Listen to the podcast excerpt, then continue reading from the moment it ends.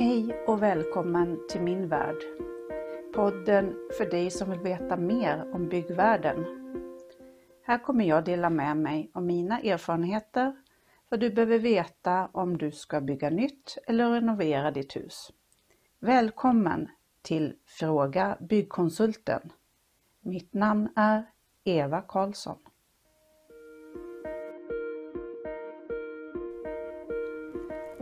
Tycker du om det du hör så tryck på tumme upp. Följ min podd så att du inte missar nästa avsnitt och dela gärna så att fler får ta del av min kunskap.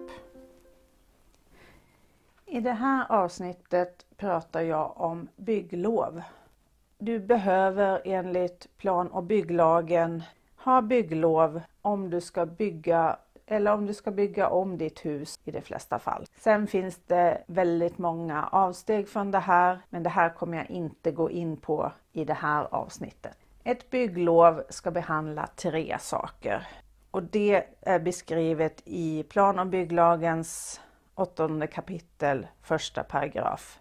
Och den lyder En byggnad ska vara lämplig för sitt ändamål, ha en god form, färg och materialverkan och vara tillgänglig och användbar för personer med nedsatt rörelse eller orienteringsförmåga. Det är de här tre delarna som bygglovet täcker. Alltså var ska du placera ditt hus på din tomt och hur ser ditt hus ut? Och kommer du att kunna bo och leva ett bra liv i ditt hus oavsett vad som händer? Kommunen har en tidsgräns på 10 veckor för att fatta sitt beslut om du ska få bygglov eller om du inte ska få bygglov. Men det här 10 veckors perioden, den startar när du som byggherre eller beställare som det heter på fackspråk har kommit in med en komplett och bra handling så att bygglovshandläggaren förstår vad du ska bygga.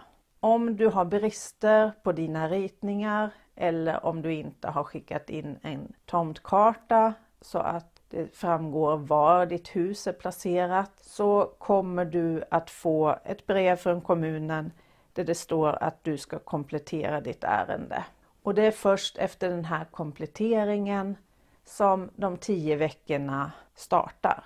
Så det är viktigt att du vet vad du gör när du skickar in din bygglovsansökan så att du skickar in rätt saker på en gång för att underlätta handläggningen. Om du inte vet hur du ska göra så ta hjälp. Det kommer att snabba på din process och du kommer slippa en massa bekymmer som du inte förstår hur du ska hantera. När man har kontakt med kommunen så har jag upplevt på många håll att det personliga tyckandet kan komma in i bilden i vissa fall. Och ett sätt att mota detta det är att veta vad man pratar om och ställa motfrågor till vad det bygger sitt beslut på.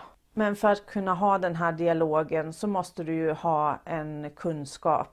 Så nu är det bara att sätta igång och fundera på vad är det du ska bygga? Vilka handlingar ska jag ta fram? Och om du behöver hjälp så finns jag här eller någon av mina kollegor ute i Sverige som har jobbat med sådana här frågor i många år. Och vi är väldigt glada för att hjälpa er. Så välkommen igen till Fråga Byggkonsulten.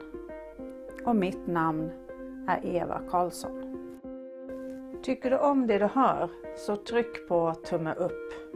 Följ min podd så att du inte missar nästa avsnitt och dela gärna så att fler får ta del av min kunskap.